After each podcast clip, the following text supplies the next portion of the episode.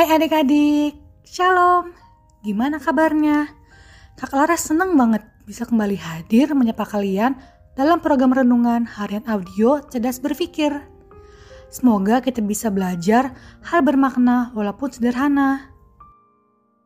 Wah, kita sudah memasuki bulan Desember nih. Berarti Natal semakin dekat.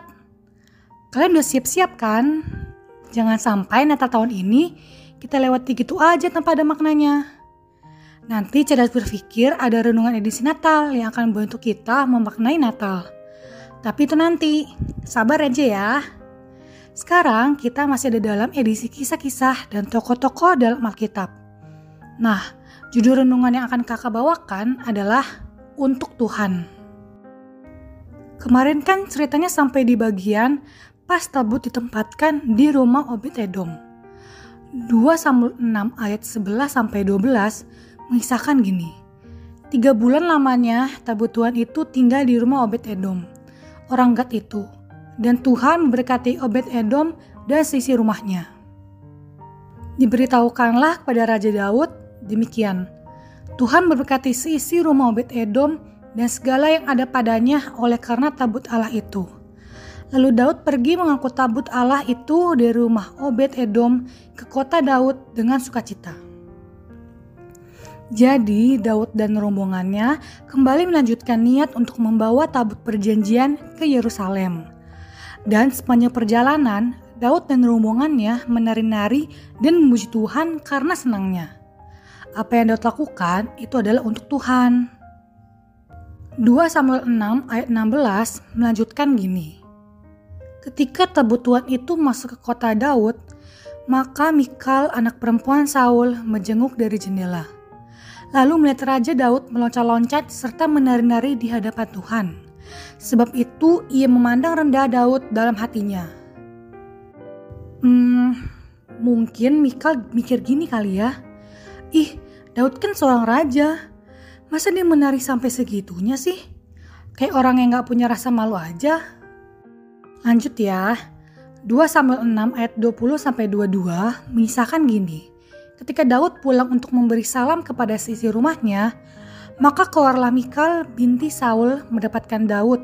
Katanya, betapa raja orang Israel yang menelanjangi dirinya pada hari ini di depan mata budak-budak perempuan para hambanya, merasa diri terhonor pada hari ini, seperti orang hina dengan tidak malu-malu menelanjangi dirinya. Tetapi berkatalah Daud kepada Mikal, di hadapan Tuhan yang telah memilih aku dengan menyisihkan ayahmu dan segenap keluarganya untuk menunjuk aku menjadi raja atas umat Tuhan, yakni atas Israel, di hadapan Tuhan aku menari-nari. Bahkan aku akan menghinakan diriku lebih daripada itu. Engkau akan memandang aku rendah, tetapi bersama-sama budak-budak perempuan yang kau katakan itu, bersama-sama merekalah aku mau dihormati.' Karena Daud menari buat Tuhan, dia gak perlu ngerasa malu. Toh kan yang dilakukan itu untuk Tuhan. Kalaupun ada orang yang menilai Daud apalagi sampai merendahkannya, yaitu sebenarnya bukanlah menjadi fokus yang utama. Sebenarnya ya, yang paling asik adalah ketika semua yang kita lakukan adalah untuk Tuhan.